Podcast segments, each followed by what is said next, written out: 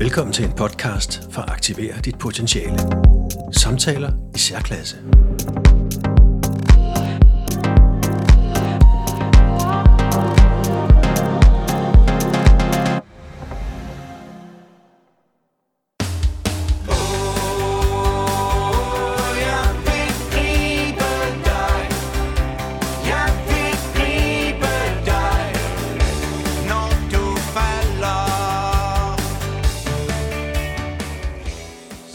Kontakt forhåbentlig til Morten Kærgaard, også kaldet Morten K. Øh, fra Udense. En god gammel ven. Jeg har kendt ham i, øh, ja, jeg ved snart ikke, om det er 20 eller 30 år. Og det er det ikke blevet dårligere af. Hej Morten. Hej. Jeg vil sige, at det er langt over 30 år. Er det virkelig? Ja. Ja, det må det faktisk være. Nå, Øhm, vi har haft en fælles forkærlighed for musikken, som du måske husker, og det betyder, at vi rent faktisk har spillet sammen i en periode. ja. Og øh, der var du ikke andet end omkring 18, og øh, vi behøver ikke afsløre præcis, hvor længe du er, men altså, der, vi er der gået forbi 5-0, ikke? Jo, det er rigtigt. Så det giver over 30. Jamen, det føles som om det var meget mindre. Men det, det er sikkert et godt tegn. Det tror jeg bestemt, det er. Ja. Jamen Morten, jeg har jo ringet til dig, fordi at, øh, øh, jeg interesserer mig for menneskelig potentiale. Jeg ved i hvert fald, at du kan noget med musik. Og det kunne jeg godt tænke mig at, øh, at høre lidt mere om. Ikke fordi jeg ved noget om det i forvejen, men så meget ved jeg heller ikke. Udover at så længe jeg har kendt dig, så har du altså bare spillet musik, du har komponeret musik, du har sunget, du har udgivet osv. Ja, hvor skal vi næsten starte henne? Ja, jeg har også handlet med musik. Og handlet, det er rigtigt. Ja, det har jeg jo været, fordi jeg har også solgt, øh, været, været, ude og, og, og formidle musik som, øh, som musikbooker og impresario og sådan noget. Det er rigtigt. Så... Øhm, ja, Hvad, er det, hvad er det med den musik, der, hvad, hvad gør den for dig? øh, jeg ved det ikke. Jeg tænker, at øh, fra jeg ikke var så gammel, der, der har det været det med, at jeg fik noget musik og reagerede på det. Hørte noget i radioen, eller nogle spolebånd, eller et eller andet, jeg arvede fra min morfar øh, til jul. Eller det var vel en julegave, ikke? Så, hvor jeg fik nogle, en spolebåndoptager med nogle, nogle gamle musiknumre, han havde optaget på, og bare synes det var fedt. Altså, så har jeg siddet med hovedet inde i, i højtaleren øh, og fulgt med igennem tiden og lyttet til Sweet og ABBA og Shubidua og Slade og Gasoline og øh, Elton John og Billy Joel og David Bowie og hvad der nu ellers kom. Så sådan fuld udvikling og bare været sådan en rigtig musiknørd. Og også tidligt egentlig selv har haft lyst til at spille og haft lyst til at udtrykke mig. Øh, og så er jeg vel... Ja, og så tænker jeg også, at når jeg kigger på det, så har jeg også haft meget lyst til at have kontrol over det som jo er interessant i forhold til potentiale og i forhold til, at øh, jeg jagter øh, begge os to til at være en lille smule øh, sensitive også. Vi er sådan relativt følsomme mennesker, øh, hvor, hvor jeg måske øh, på nogen godt kan virke meget udadvendt, så er jeg i virkeligheden en ekstrem ekstrovert, det er, eller øh, jeg er introvert. Jeg er bare, hvad hedder det, påtaget ekstrovert, når der er nogle ting, som, som passer med det, jeg gerne vil, tror jeg. Jeg ved ikke, om du kender, men, men man kan, sådan skifte, kan skifte rolle fra, fra at, at, at virke, øh, hvad det hedder, udadvendt, og så egentlig bare sidde hjemme i sin campingvogn og gemme sig. Ja. Og det er jo det er sådan noget, jeg også kender til i forhold til musik, at øh, jeg selv synes, at det er øh, grænseoverskridende at for eksempel at spille for andre, øh, eller stå på en scene. Øh, kræver det ikke, øh, altså, er det ikke en, vil det ikke være en kæmpe fordel, hvis du var, skal vi sige, helt naturligt udadvendt?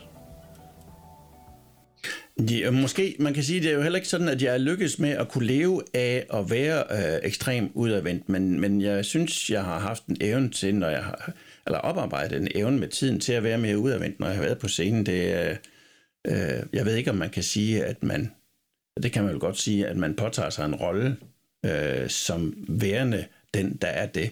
Jeg synes også, at øh, nogle gange, når jeg har været øh, Øh, på arbejde, så, så synes jeg, at situationen har været meget nemmere, når jeg har været på arbejde med en defineret opgave. Jeg har været preschef på Odense Teater i 20 år, og tage til premiere og være udadvendt og snakke med folk og alt muligt har været enormt nemt, fordi det har været min definerede rolle.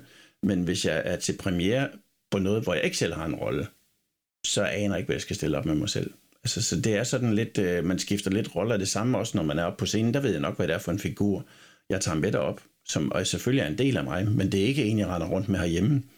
Øh, jeg tror, at øh, dem, mine børn er svært ved at forestille sig, hvordan det ville se ud, hvis jeg var ude og optræde, tror jeg. Jeg er ikke sikker på, at de ville kunne kende mig sådan helt. De har måske set nogle videoer med noget, eller været ude og se lidt, men, men jo ikke for dengang, vi spillede langhårdt rock og sådan noget. Men, øh, så så, øh, så det, jeg synes, at, at man har nogle forskellige personligheder, som man kan aktivere på forskellige tidspunkter. Ja. Og det tror jeg også, øh, det er også det, jeg, jeg, jeg forestiller mig, at man, hvis man interesserer sig for musik, som du gør, altså jeg tænker, de fleste, de kan godt lide musik, øh, og det er dejligt at kunne sætte noget på telefonen, og så mm. hører man det. Øh, men ligefrem, øh, og så også udkomme med det, øh, det, det, det synes jeg selv i hvert fald er, er, er det, det er sådan noget helt andet. Det er sådan en spring. Ja, og ved du hvad, det, det sjove er, det, det ved jeg ikke, om du er klar over, men, men øhm, det med at skrive nummer selv, det startede faktisk, fordi at du har en storsøster, der hedder Christiane. Og hende har jeg gået på gymnasiet sammen med.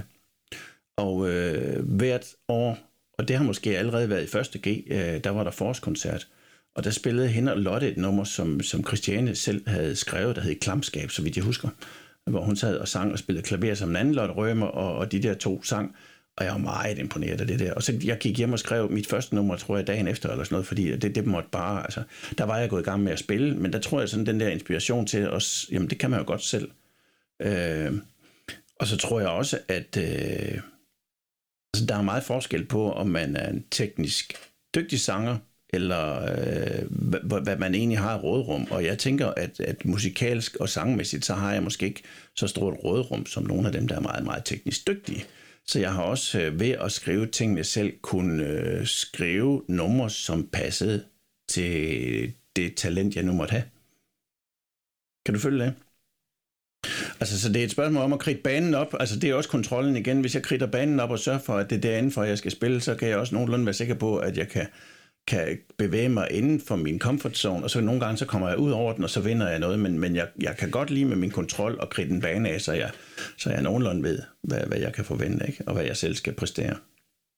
Jeg tænkte, vi kunne lave et nedslag i et par steder. For eksempel, at øh, da vi spillede sammen for mange år siden, der, mm. der, der havde du jo mødt øh, Jeff. Yeah. Og for mig var han sådan en, en figur, der boede i London, som, som på magisk vis øh, skrev nogle... Ja, han skrev vel tekster? Eller var det melodierne, han skrev? Yeah. Nej, han skrev på, det tidspunkt, der var det kun teksterne. Det var teksterne? Ja. Og, og så, så tog du dem videre og lavede musikken til dem? Ja. Ja. Um, jeg oplevede også, da jeg skulle skrive de her første numre, øh, din søster havde sunget på dansk, og jeg startede også med at skrive noget på dansk, og jeg synes faktisk, at det var lidt svært. Øh, jeg synes, at ens modersmål er meget nøgent, øh, når man skal arbejde med ordene. Det kommer nemt øh, til at lyde meget banalt, når man synger dig og mig og sig og, og leg og fej og hvor det så ender henne. Øh, og jeg tror også, at jeg opdagede, hvor galt det gik en dag, hvor jeg sad og skulle skrive et eller andet smukt, sådan noget, du ved, dine øjne er som smaragder, eller nej, det skal vi nok være sådan noget ædelsten, eller, eller andet. Ah, hvad lyder godt? Perler, det er også godt. Perlesten, det er super. Dine øjne er som perlesten, indtil jeg kom i tanke om perlesten. Det er da de der grå kedelige, vi har ude i indkørselen. Nej, poesien, den, den var ligesom ikke rigtig øh, landet hos mig på det tidspunkt. Jeg synes, det var meget svært. Øhm, og så tager jeg til London og bor i en periode og, og møder en, en englænder, som siger, ja, han skriver der tekster. Nå, nå, siger jeg så, jeg skriver da musik. Jeg havde da skrevet et nummer i hvert fald, så, så det gjorde jeg da. Og øh, han havde også skrevet en masse tekster, det havde han, men, men der var heller ikke rigtig nogen, der havde lavet musik til dem, så vi havde, bare, havde et, et stort uudnyttet potentiale begge to som, øh, som, som kunne bruges. Så da jeg tog hjem, så tog jeg sådan nogle tekster med. Og så skulle jeg over besøge min kæreste over i England øh, efter noget tid, og så var Jeff også derovre, så tænkte jeg, så måtte jeg heller lige se, om jeg kunne få lavet et eller andet. Så der skrev jeg faktisk et nummer. Og jeg vidste, at jeg var måske sådan mere Billy Joel-typen, og han var mere sådan Elton John-typen, men det var stadigvæk sådan noget klaveragtigt eller andet, så jeg fik skrevet et eller andet, som, som kunne fungere på noget klaver. Og, og det, det synes han var fint, og, sådan noget, og så har vi faktisk egentlig derfra øh, så har jeg bare skrevet løs. Og det har primært været til, øh, til hans ting de første 20 år måske, tror jeg. Øh, hvor, hvor jeg øh, samtidig har skrevet nogle ting med nogle engelske brøvletekster, øh, hvor han så har fået det over og skrevet noget på. Nogle gange har han skrevet noget med noget melodilinje, som jeg så har rettet lidt til. Så det har været sådan en symbiose af, af inputs og idéer, hvor at øh, vi har egentlig ikke behøvet at tale så meget om det. det vi har bare gjort det. Øh, og vi har jo ikke sådan kunne ringe stort sammen. Altså, vi, vi har faktisk, vi er så langt tilbage, så vi sendte jo breve til hinanden med, med teksterne i. Jeg fik også telefaxer med tekster, da det blev rigtig teknisk. Og ellers så sendte man jo kassettebånd øh, fra, fra Danmark til England med, med nogle små bidder på, og så fik man et eller andet tilbage. Øh, og så kunne man ringe sammen, måske kunne det optages på, så kunne han indsynge det på telefonsvaren, og det var også var rigtig teknisk, så havde jeg sådan lige en idé om, hvad det var, han, han, han arbejdede med. Øhm, så, så det har været en sjov måde at arbejde på, det har selvfølgelig også været meget udviklende, og det har også udviklet mit engelske sprog og min, min sans for tekster, tror jeg, hen ad tiden. Er det godt at have sådan en, øh, ja, sådan en Lennon McCartney, øh, et makkerpar, nogen der kan noget, og den anden der kan noget andet? Altså, øh, jeg synes, det er enormt svært at være kunstner sammen med en selv. Det er altid rigtig rart at have nogen at spille noget op af. Øh, jeg har været en periode været manager for Sigurd Barrett, øh, og det sjove var, at Sigurd han havde brug for, at der var nogen, der ligesom kunne give ham råd og vejledning med hans karriere. Og det synes jeg ikke var svært. Men når jeg var i tvivl om et eller andet, så synes Sigurd ikke, det var svært at give mig råd og vejledning den anden vej rundt. Altså det er sådan noget med, at det er nemmere at sidde og kigge på nogle andre, øh, og se, hvad der er godt og hvad der er skidt, end når man sidder med det selv. Man bliver sgu altid i tvivl. Det jeg laver nu, er det godt? Altså det er simpelthen så godt at have nogen at, at, at spare med, som man stoler på, og som, som nikker og siger, jamen det der, det er sgu faktisk, øh, det er super fedt. Er det så også det, du oplever, når du er ude og spille? Fordi det gør du jo også øh, en del i, i hvert fald har gjort igennem tiden, ikke? Det, altså, lige i øjeblikket er der jo ikke så meget live-ting, men, men øh, jamen, på et tidspunkt så lavede jeg jo også en trio på dansk, som, øh, som spillede kopinummer Den Kummerlige Trio, hvor vi også har skrevet nogle ting til på dansk og sådan noget. Det var omkring årtusindskiftet, ikke? så det er 20 år siden, vi begyndte på sådan noget. Øh, og øh, der, der synes jeg, at ved at spille utrolig meget live, øh, har jeg også sådan fået en fornemmelse for, hvordan folk reagerer på, øh, på tempo og stemning og, og musik og numre og hvad der virker og hvad der ikke virker. Det tror jeg er sådan noget, man, man tager ind. Det er ikke sådan, jeg har siddet og skrevet det ned med noter i en bog. Det er bare den, den learning by doing. Nå, det der virker, det der virker ikke. Hvorfor virker det ikke, monstro? Jamen, det ved jeg ikke. Jeg prøver lige at kigge på det her. Det virker sgu meget godt. Altså, så det er sådan lidt ligesom, altså, det er ligesom at lære at gå tænker, at man falder en hel masse gange, og så lige pludselig så kan man stå på benene, ikke også? Men hvordan så i forhold til at, øh, det der med, hvor meget man så selv, hvad man selv vil. Hvis nu man siger, øh, forestiller sig, at du, du har dit repertoire, du vil spille med, det spiller du. Mm. Og øh, I er simpelthen så glade, fordi det var lige præcis det, I ville udkomme med mm. som mm. kunstnere. Men ja. publikum var måske ikke helt begejstret. De ville hellere have noget, der var mere rocket. Hvordan ligger du øh, snittet der i forhold til at også at, at please the crowd? Jeg vil sige, at så når vi udsender noget, øh, det er, vi lavede en plade med den kommerlige trive, som vi er uendelig glade for. Vi synes, den er sjov og underholdende, og den er på dansk og alt muligt. Øh, og øh, noget af det fik faktisk også noget gennemslagskraft, men det bliver jo ikke sådan et øh, monsterhit. Og øh, når vi er ude at spille live, så er det ikke mange af de numre, vi har med ude, fordi de fungerer bedre, hvis man laver underholdning. Øh, hvorimod, hvis man spiller til dans, der, der, der går jeg med på, hvad, hvad der fungerer, når folk spiller til dans. Men vi har i vores trio brugt det udgangspunkt, at vi har haft vetoret alle sammen. Så har vi faktisk siddet os, øh, vi, vi tre med i trioen for det meste. Og øh, der har vi, vi har øh, kørt sådan nogle regneark, hvor vi simpelthen har skrevet alle de numre op, vi har på vores repertoire, og så har vi givet dem øh, point fra 1 til 5 og så har de fået en total score med, med alle tre. Vi har ikke siddet og kigget på, hvad vi, vi hver især har, har, har, har givet de forskellige numre af populærhedspoint. Og så kan man så sige, jamen okay, dem der har 15, dem, dem, dem er vi sikre på, dem gider vi godt at spille. Dem, der har tre, det, øh, de ryger også automatisk ud. Og så har vi sådan dem, der har øh, 3, 4 øh, og 5. Jamen, det er som regel dem, man tager med ud at spille. Så er der nogle toer, som kan være til, til diskussion, ikke? fordi der er nogen, der ikke rigtig synes, det er super fedt eller et eller andet. Ikke? Så øh, det, det, har været, øh, det har været en måde at gøre det på, så øh, vi spiller det, som folk godt kan lide, men vi spiller ikke det, vi ikke selv kan lide. Mm-hmm. Er, er det en, øh, i virkeligheden også en selvstændig pointe, at, at, øh, at det måske kan være samlet set bedre for, for både jer og for publikum, at de hører på noget, som musikerne rent faktisk synes er alle tiders frem for, ja, så spiller vi den, fordi det er sikkert mm. den, I gerne vil høre. 100 procent. Altså, der er slet, slet ikke nogen tvivl om. Øh, fordi at du kan mærke, om der er energi. Altså, hvis, hvis der sidder tre, og den ene ikke har energien på det, så, så, så kan du mærke det på det endelige outcome. Så, så det er også et spørgsmål om lige at afstemme, med, hvor, hvor glæden er henne på de her ting. Ikke? Øh, Så, øh, så, så ja, altså det er noget, vi kan stå indenfor. Det er noget, vi synes er sjovt. Øh, og så har vi egentlig en, en red, bred portefølje at, at byde ind med. Ikke også? Det, det synes jeg har været en god løsning. Altså en god måde at, ja, lige præcis, have den med i det, man laver. Det er simpelthen så vigtigt. Ja, fordi det er vel næppe, øh, fordi at, øh, at, at, at du tjener kassen på, på musikken, eller, eller hvad? Er det, er det glæden, der, der driver dig? Altså jeg vil sige, at før i tiden, når vi spillede med Triven og var ude og spille til øh, fest og underholdning og festivaler og dans og alt muligt andet, så var det jo forbundet med et honorar, som var en tarif eller større. Ikke? Øh, og det, det kan man godt, hvis man har nok job, så kan man godt have et fornuftigt levevej ud af det, men det er jo ikke noget, som, som har været relevant i et stykke tid efterhånden. Øh, så det er ikke, og det har heller ikke været set som en hovedindtægtskilde. Det har været sådan en, et, et rigtig øh, lukrativt bidjob i, i, i en del år. Øh, og i de sidste rigtig mange år, der har det ikke været det. Nej, men det, det er vel så... Af en eller anden grund, så har jeg i hvert fald indtryk af, at, at det gælder for mange kunstarter. At, at dem, der i sidste ende øh, leverer varen, om det så er billeder øh, på udstillinger, eller det er musik, eller det er forfattere. Det er sjældent dem, der bliver forkyldte. Men vi hylder dem, sjovt nok alligevel. Ja. Fordi ja. vi ved godt, at det er dem, der, der, der ligger inde med guldet. Men ikke nødvendigvis. Ja, der, jeg så et opslag på Facebook, at man vil give 5 dollars for en kop kaffe på Starbucks, som ikke koster ret mange penge at lave. Men man vil ikke give 1 dollar for et nummer med en kunstner, som man synes var rigtig fed, og som betød noget for en, og som kostede rigtig mange penge at lave. altså, og, øh, altså, jeg ved ikke, det der med kunst er noget mærkeligt noget, ikke også? Fordi vi kan også her under lockdown mærke på meget, øh, at der er nogle ting, man savner, og, og noget, der trækker i en, som, som man ligesom synes, man har mistet. Og det er meget af kulturen. Altså.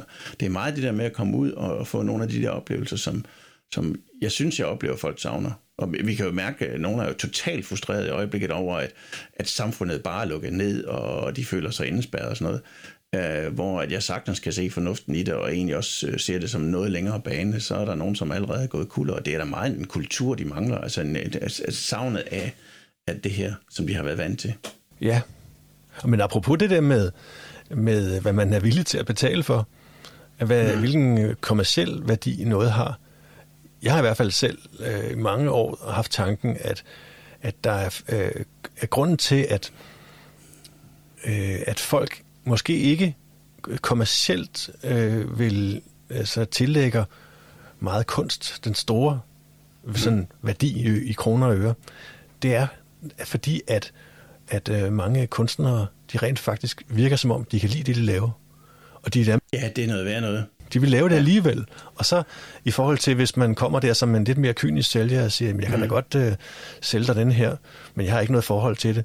Så det er helt mm. op til dig. Så må du betale, hvad det koster, fordi jeg har ikke tænkt mig ja. at give noget som helst. Hvorimod man tænker, musikere, ja, men de, de skal da bare være glade, hvis de kan komme ud og spille nærmest gratis. Lige præcis. De må have en ordentlig arbejde ved siden af. Ja, men, men, men øh, og og det ved jeg sgu faktisk ikke rigtigt, om jeg kan ændre på, øh, fordi der er jo en lang kultur for, at man er begyndt at give mange ting væk gratis. Altså det hele er jo tilgængeligt gratis under en eller anden form på internettet alligevel. Og det betyder, at man, man, man er vant til, at man ikke skal op med pengepunkten for den her vare, og så, så, så får den heller ikke rigtig nogen værdi.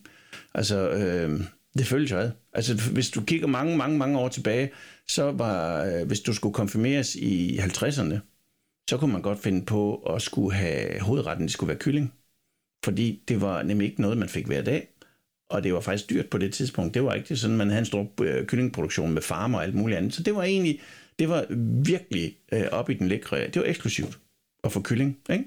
Og så øh, får man lavet kyllingfarm, og det betyder, jamen så kan man producere den billigere, og jo billigere øh, det bliver, jamen jo mindre øh, er værdien af det også. Der, jeg tror ikke, der er ret mange, der vil, vil tage en, en kylling til en konfirmation nu om dagen. Øh, som hovedret, vel, som, som uh, top of the line. Altså, så det betyder også, at kaviar, er, jamen, det er svært at få fat i, så er det dyrt. Ikke? Så, så det er også sådan lidt med, øh, altså udbuddet er jo utrolig stort, og der er også bare mange kunstnere derude, øh, som, som laver noget, og så tænker jeg, jeg vil hellere have, at folk hører det, end at jeg får nogle penge for det. Øh, og, og hvis der er tilpas mange af dem, så, så er der ikke nogen, der får penge for det. Nej, og så er det allerhøjeste de, de der få, der laver stadionkoncerter, hvor folk til gengæld er villige til at betale 800 kroner for at stå på en mark og, og høre. Ja, og så, hvor det så også er en del af oplevelsen, man køber. Man køber jo ikke nødvendigvis kun kunstner, man køber jo faktisk det sociale sammenhæng, man, man er i. Øh, det samme, hvis folk tager til ishockey, det ved jeg ikke, om du har oplevet, men det er jo sådan noget, man tager til ishockey om fredagen, øh, og jeg har været ude og se det en enkelt gang, og det er så fascinerende, hvor en fantastisk stemning der er derude, men jeg ved ikke, hvor mange af dem, der egentlig kommer for at drikke øl, og hvor mange der kommer for faktisk at se ishockey. Jeg tror, de kommer for den samlede pakke af stemningen, af den der kombination af ting, og det samme tror jeg også, der er med, med, med de her stadionkoncerter. Man giver noget både, fordi det er en kunstner, man godt kan lide, eller noget, eller du ved også, hvis man har været på festival, Roskilde, eller Midtfyns, eller hvad der nu findes, jamen så havde man jo på forhånd tænkt, jamen jeg vil gerne øh, se øh, Madonna, og jeg vil gerne se David Bowie eller et eller andet. Og de fleste, hvis du så spørger dem, når de kommer hjem fra festivalen, så er det faktisk egentlig ikke rigtig nået at se særlig mange af de kunstnere, de gerne vil, fordi så gik der egentlig fest i den, og det var egentlig mere den der fælles stemning og, og, og, og symbiose, man var en del af. Og det, det, det er den vare, som måske stadigvæk har en værdi. Øh, men, men, men kunstnerne er svært i sig selv at opretholde store værdier. Med undtagelser og alt muligt andet, og det, nu det siger jeg jo bare sådan lige, som jeg oplever det. Ikke? Men, øh, men jeg synes, det er en svær verden at, at, at begå sig i øh, med økonomien i behold. Ikke? Her øh, hen mod slutningen kunne jeg godt tænke mig at høre lidt omkring dit seneste projekt for danske bassister. Øh, yeah. din, øh, den, den her, jeg prøver lige at fortælle om, hvad det egentlig er, du gør, og hvordan det udvikler sig. Jeg har jo egentlig prøvet at blive lidt klogere på, hvordan man gebærdede sig på øh, de her sociale øh, platforme. Og set, øh, at øh, specielt YouTube synes jeg, man kunne finde rigtig, rigtig mange spændende ting på, og jeg har nyt at sidde og se film om det ene og det andet og det tredje, øh, hvor at før i tiden, så, ja, jeg ved ikke, jeg er så langt, jeg er så gammel, at i gamle dage kunne man kun se Danmarks Radios fjernsyn, så var der en kanal. Så kom der TV2, de brød monopolet, så var der to kanaler. Vi kunne faktisk i virkeligheden modtage fra Tyskland, så havde vi tre kanaler, man kunne se. Og, og, og det gjorde jo så, at alle mennesker så nogenlunde det samme. Vi kunne snakke om det samme i skoledagen efter, og du ved, hvis, jeg kom, øh, hvis vi mødtes op på gymnasiet, så siger jeg, så du den der, med, hvad det hedder, den der koncert med Toto i går, så vidste vi godt, hvad det var for en koncert med Toto i går. Lige nu er, er hele verden blevet totalt mangfoldig. Der er ikke så mange, der ser de her øh, flow-tv-ting, med, der er programmer, der stadigvæk bliver set af mange, men de bliver egentlig set ligesom på YouTube. Og så er der rigtig mange, som laver nogle kanaler, som er utrolig smalle, men som har med et emne at gøre, som man egentlig har savnet at se i fjernsynet øh, før i tiden. Ikke? Øh, og øh, jeg har altid, du spiller også selv bass, og det gør jeg også, jeg elsker alt ved basser, altså simpelthen. Jeg har bygget selv og spillet og nørdet bassister og alt muligt, så jeg synes bare, det er et top spændende emne. Og så tænkte jeg, jamen, det kunne være sjovt at arbejde lidt med, at snakke med musikere. Jeg lavede faktisk først et koncept med øh, på engelsk, øh, fordi der var faktisk nogle danske musikere, jeg, det kunne lade sig gøre at komme til at snakke med, som havde fået en karriere i udlandet. Så jeg har lavet nogle artist talks på engelsk, hvor jeg snakker med nogle danskere, som har lavet nogle vilde ting i udlandet. Og øh, så efter noget pause hen over sommerferien her, øh, nej, sidste sommer, øh, hvor jeg synes, det lettede ikke så meget. Det kun det var svært at holde en kontinuerlig øh, seerskar, fordi at det ene var måske en bassist, og det næste var en guitarist, og det tredje var en keyboardspiller og sådan noget, og så, så blev det for, for bredt i, i, i den målgruppe, det egentlig søgte. Det vil sige, at man kunne godt synes, det første program var spændende, men måske ikke det næste, fordi det var for langt fra det, man egentlig interesserede sig for. Og så kastede jeg mig over, fordi der er en gut her fra byen, jeg kender i forvejen, der hedder Martin, som lavede danske guitarister. Og det var egentlig grunden til, at jeg ikke lige hoppede ud i med det samme og lavede danske bassister, men så snakkede jeg med Martin om det, og da vi jo ikke rigtig træder hinanden over til men bare egentlig sådan udvider hele porteføljen, så gik jeg i gang med at lave en serie med danske bassister, øh, hvor jeg så har haft folk her i mit lille YouTube-studie her, øh, inden og snakke om deres karriere som bassister, og det har været fuldstændig fantastisk. Det er jo sådan, Simon, som du nok ved, at bassister er nogle af de rareste mennesker i hele verden. Ikke også? Øh, og, og, og der vil jeg sige, at, at det, det har været, været, været en stor glæde i forhold til at lave noget. Det har været at hvad hedder det, vælge selv, hvem man gerne vil snakke med, og vælge, hvad der skulle snakkes om, og hvor lang tid der skulle snakkes om det. Så jeg laver egentlig en YouTube-kanal, som er 100% lavet efter, at det program, jeg selv vil have lyst til at se. Meget privilegeret. Øhm, og det gør også, at, at jeg har en lille pointe, som jeg faktisk er ved at skrive ind i en sang i øjeblikket, øh, som jeg ikke har fundet på, men jeg tror, at den stammer fra, fra Peter Plys, Øh, og den synes jeg, man kan tage med igennem hele livet. Jeg tror, det er, det er, det er nok Grisling og Plys, der går i tusindårsskoven og snakker, og så siger Grisling til Plys, jamen Plys, hvad er egentlig vigtigst? Er det, er det målet eller vejen? Ej, siger Peter Plys så, det er selskabet. Og det synes jeg er så fantastisk, for det er nemlig det, der er rigtigt. Det er sgu da ligegyldigt, hvad vi laver her. Det er da vigtigt, at vi laver det sammen med nogen, som vi har det godt sammen med. Og det er egentlig øh, det er faktisk det, jeg prøver at leve lidt ud fra, det er at vælge mit selskab med omhu, være sammen med folk, som jeg synes, jeg bliver godt humør af at være sammen med, og så måske prøve at undgå nogle af dem, som jeg ikke synes, det er sjovt at være sammen med. Altså. Så det hele, det er, det er selskabet. Det synes jeg er en, en fantastisk pointe. Og, og det, det kan man også godt koble op på musikken, at Uh, man kan sige, hvis du uh, udkommer med noget, mm. eller indspiller noget sammen med nogle andre, så, mm. uh, så vælger I vel også en anden selskab.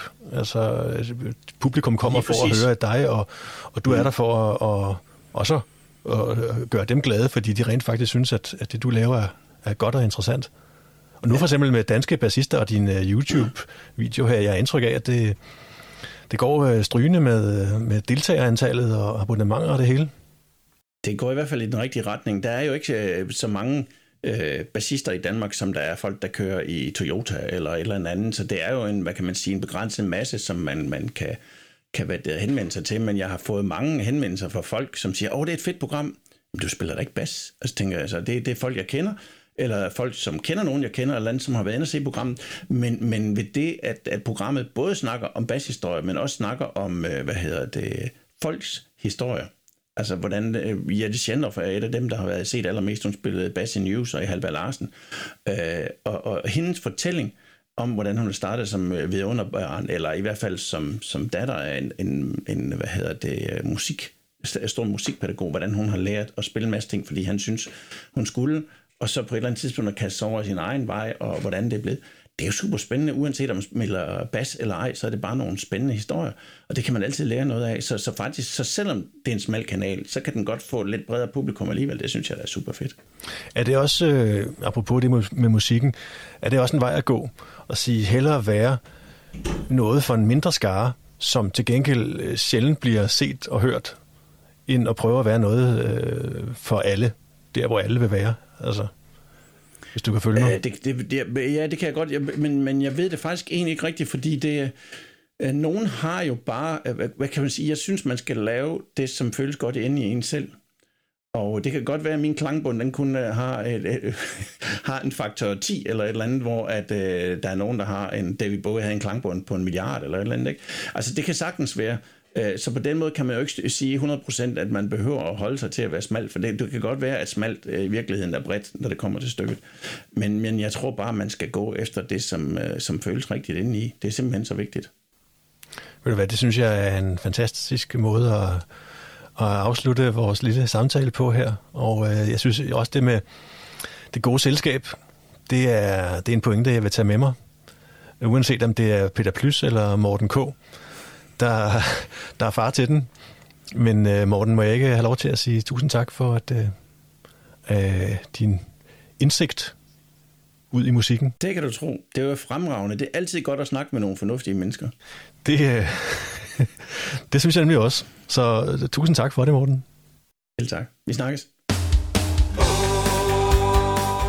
Og hvad ville være mere naturligt, end at slutte af med Morten Kærgaards plade nyeste plade, Glasgriber, det nummer, der hedder Gribe dig.